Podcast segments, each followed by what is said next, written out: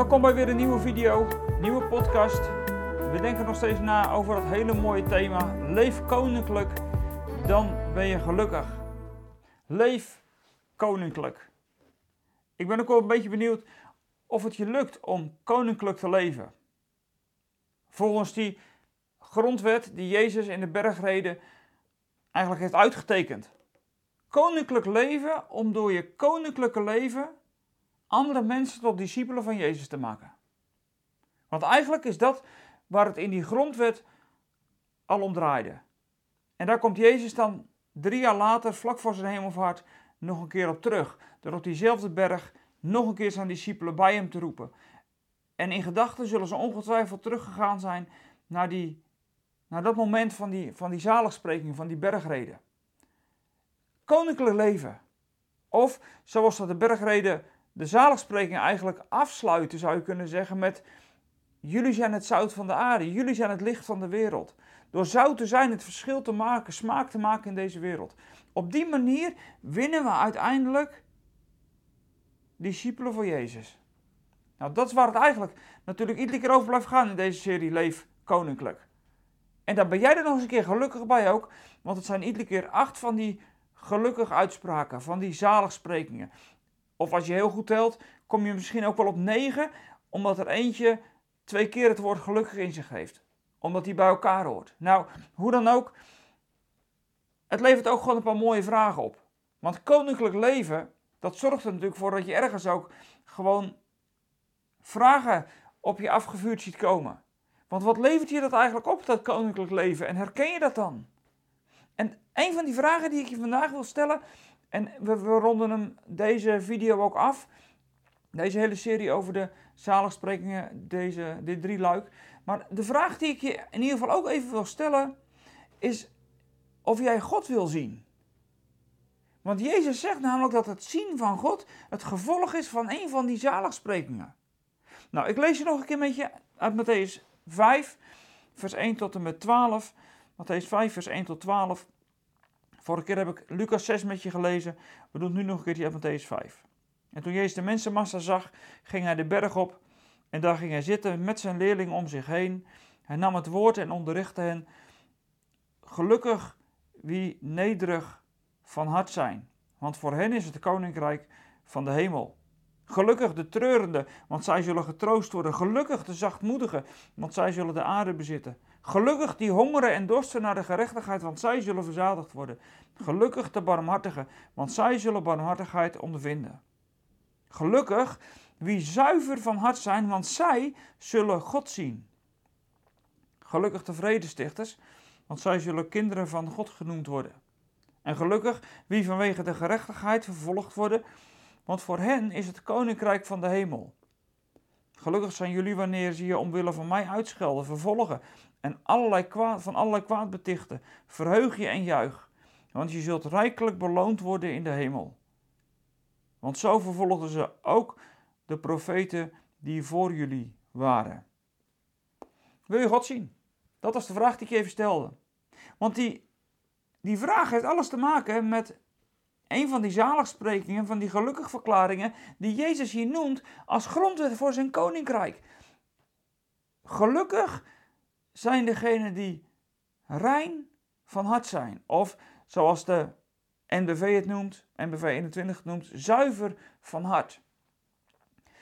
Nou, is dat nu niet zo vreemd dat Jezus daaraan verbindt dat je, als je zuiver van hart bent, rein van hart bent, dat je dan God zult zien. Want God is zuiver en rein. En als wij onrein zijn, niet zuiver zijn, dan kunnen wij helemaal niet eens in dat licht van zijn zuivere en reinheid komen. God is zo zuiver, dat is zo blinkend, dat, is zo, dat geeft zo'n schittering. Dat zou je niet eens uit kunnen houden op het moment dat je, dat je niet zuiver van hart bent. En misschien denk je van, ja Matteo, ik ben toch ook gewoon zondig? Nou, als je dat zegt, ben ik al blij, want dan zeg je niet dat je nog een zondaar bent. Dat ben je in Christus ook niet meer.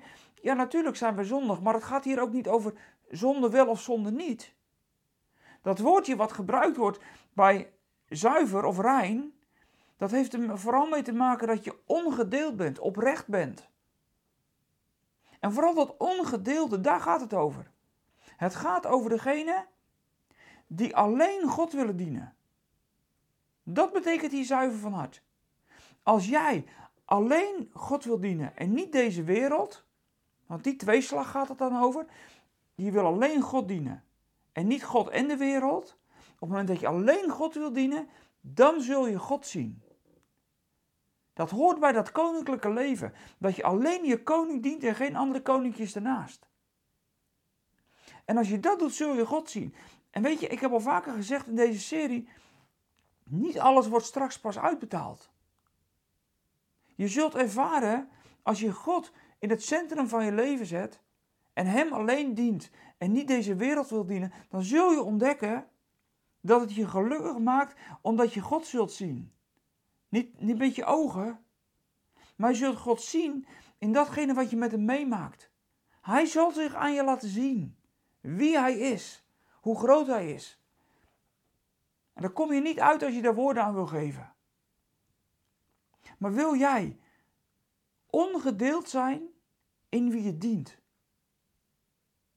En dat maakt ook mensen om ons heen misschien jaloers, maar in ieder geval zorgt dat er voor mensen om ons heen ervoor zullen, dat het ervoor zal zorgen dat die mensen om ons heen vanzelf wel vragen gaan stellen. Dus rein van hart, zuiver van hart, dat is God alleen willen dienen en niet deze wereld. En dan zul je God zien. Dan zal God zich aan je laten zien wie Hij echt is voor je. En direct erachteraan volgt dan dat je gelukkig bent als je een vredestichter bent, want de vredestichters worden Gods kinderen genoemd. Dan kun je afvragen wie dat jou dan Gods kinderen noemt. Zegt God dat dan? Je bent kind van mij? Ja, zeker. Maar de wereld om ons heen zal dat ook zeggen. Want die vrede die je dan wil zoeken, die is niet van deze aarde. Ik heb de achterliggende periode mijn opleiding tot mediator afgerond. Dat ga ik er nog een beetje bij doen, denk ik, zoals ik het nu zie. Ik vind het ook iets heel moois. En ik weet dat ik de eerste keer daar zat en dacht: zalig zijn de vredestichters. Dat is waar ik dus mee bezig ben. Je brengt de partijen bij elkaar.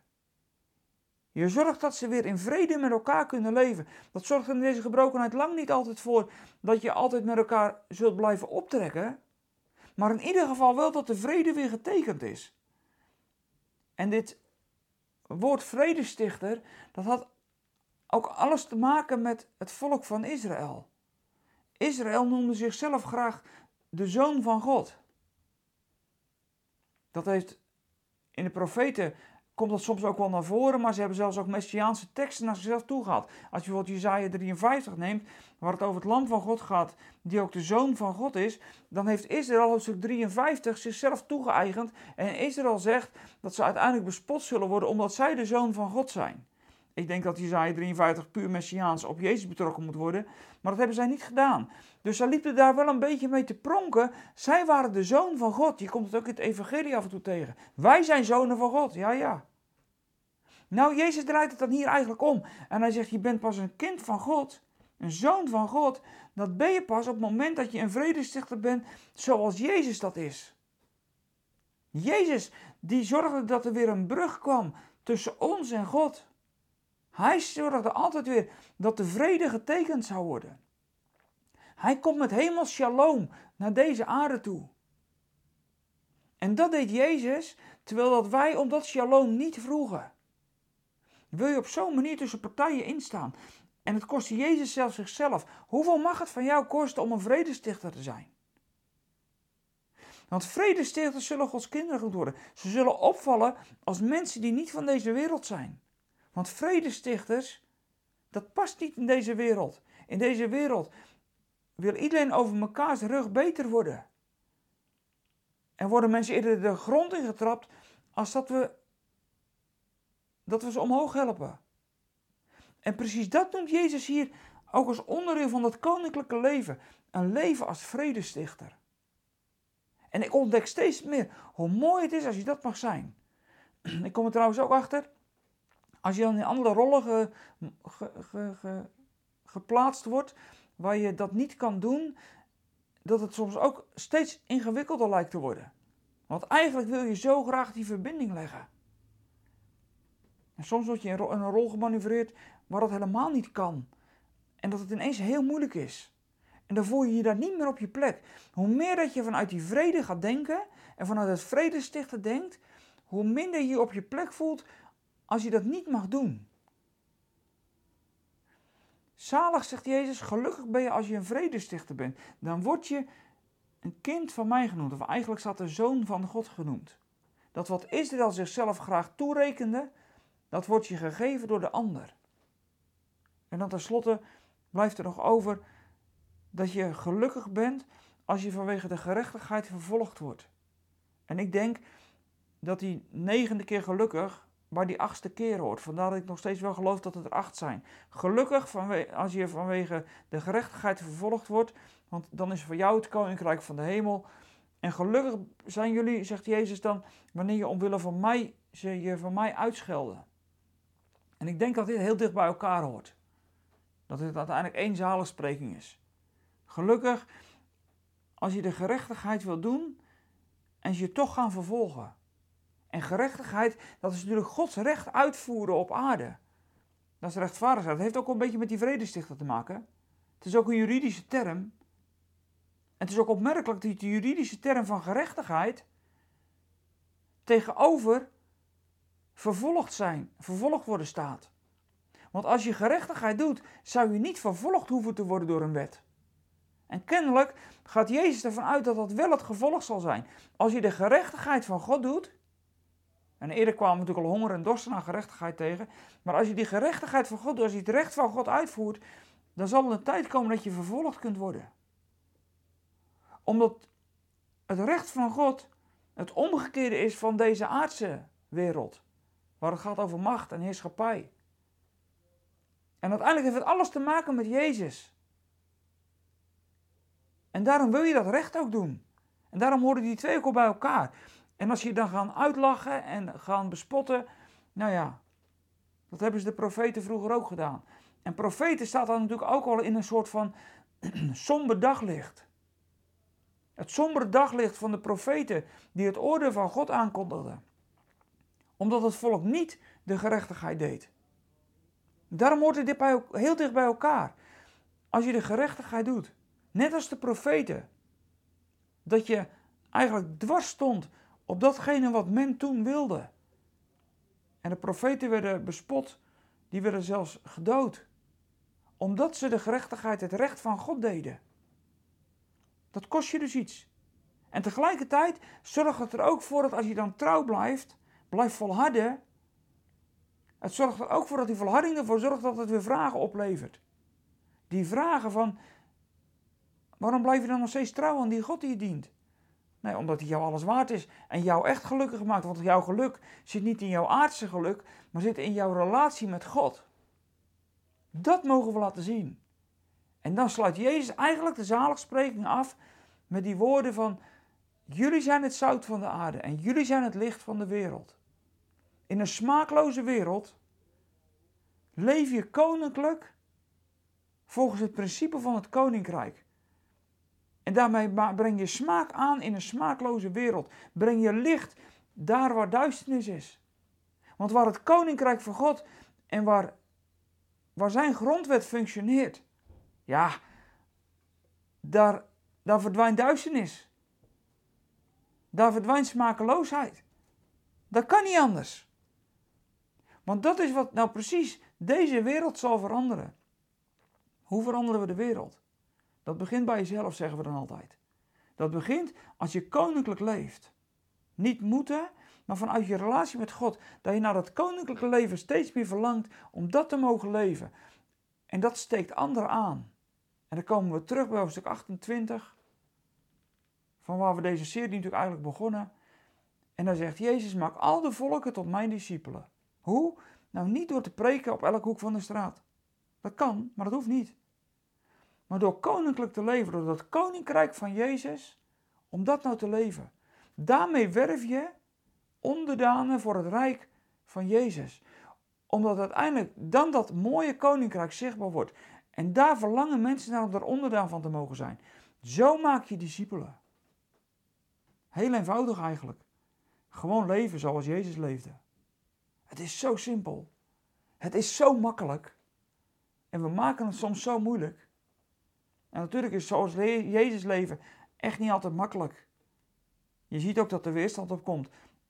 Ja, maar uiteindelijk krijg je straks het koninkrijk van de hemel. Daar ben je nu trouwens al een burger van. En daarom leef je ook volgens die maat. Want je bent een burger van dat koninkrijk van de hemelen. Dat ben je al omdat Christus, hij ging naar de hemel in hoofdstuk 28. Hij is naar de hemel gegaan als het hoofd. De koning is boven. En met dat het hoofd boven is, zijn wij mede hemelburgers. Ja, dan kan het niet anders dan dat die grondwet van het koninkrijk gewoon functioneert natuurlijk. En dan breng je hier op aarde een stukje hemel op aarde. Of zoals dat liedje dat zegt, een beetje meer hemel op aarde zou zo gek niet zijn. Ik vind het wel een mooi zinnetje. Een beetje meer hemel op aarde zou zo gek niet zijn.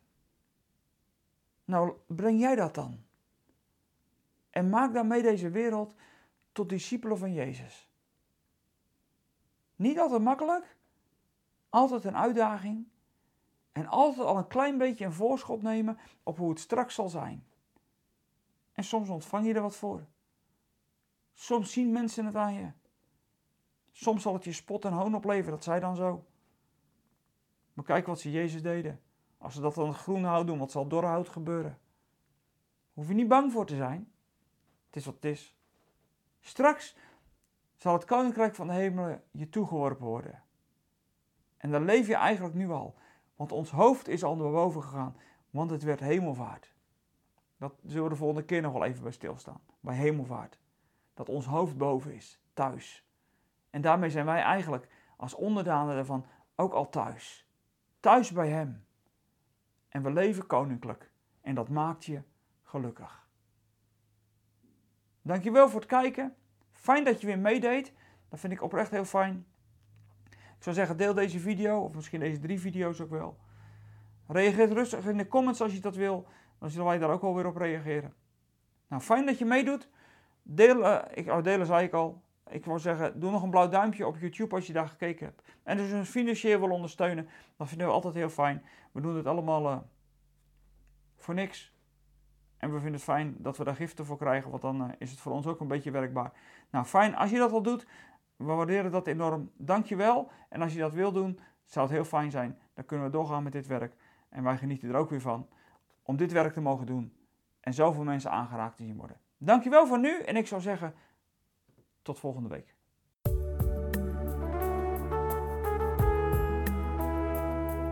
We zijn er weer aan het einde van deze podcast. Spreken deze podcast je aan en wil je ons met de gift ondersteunen? Kijk dan voor meer informatie op www.eindeloosgelukkig.nl slash podcast.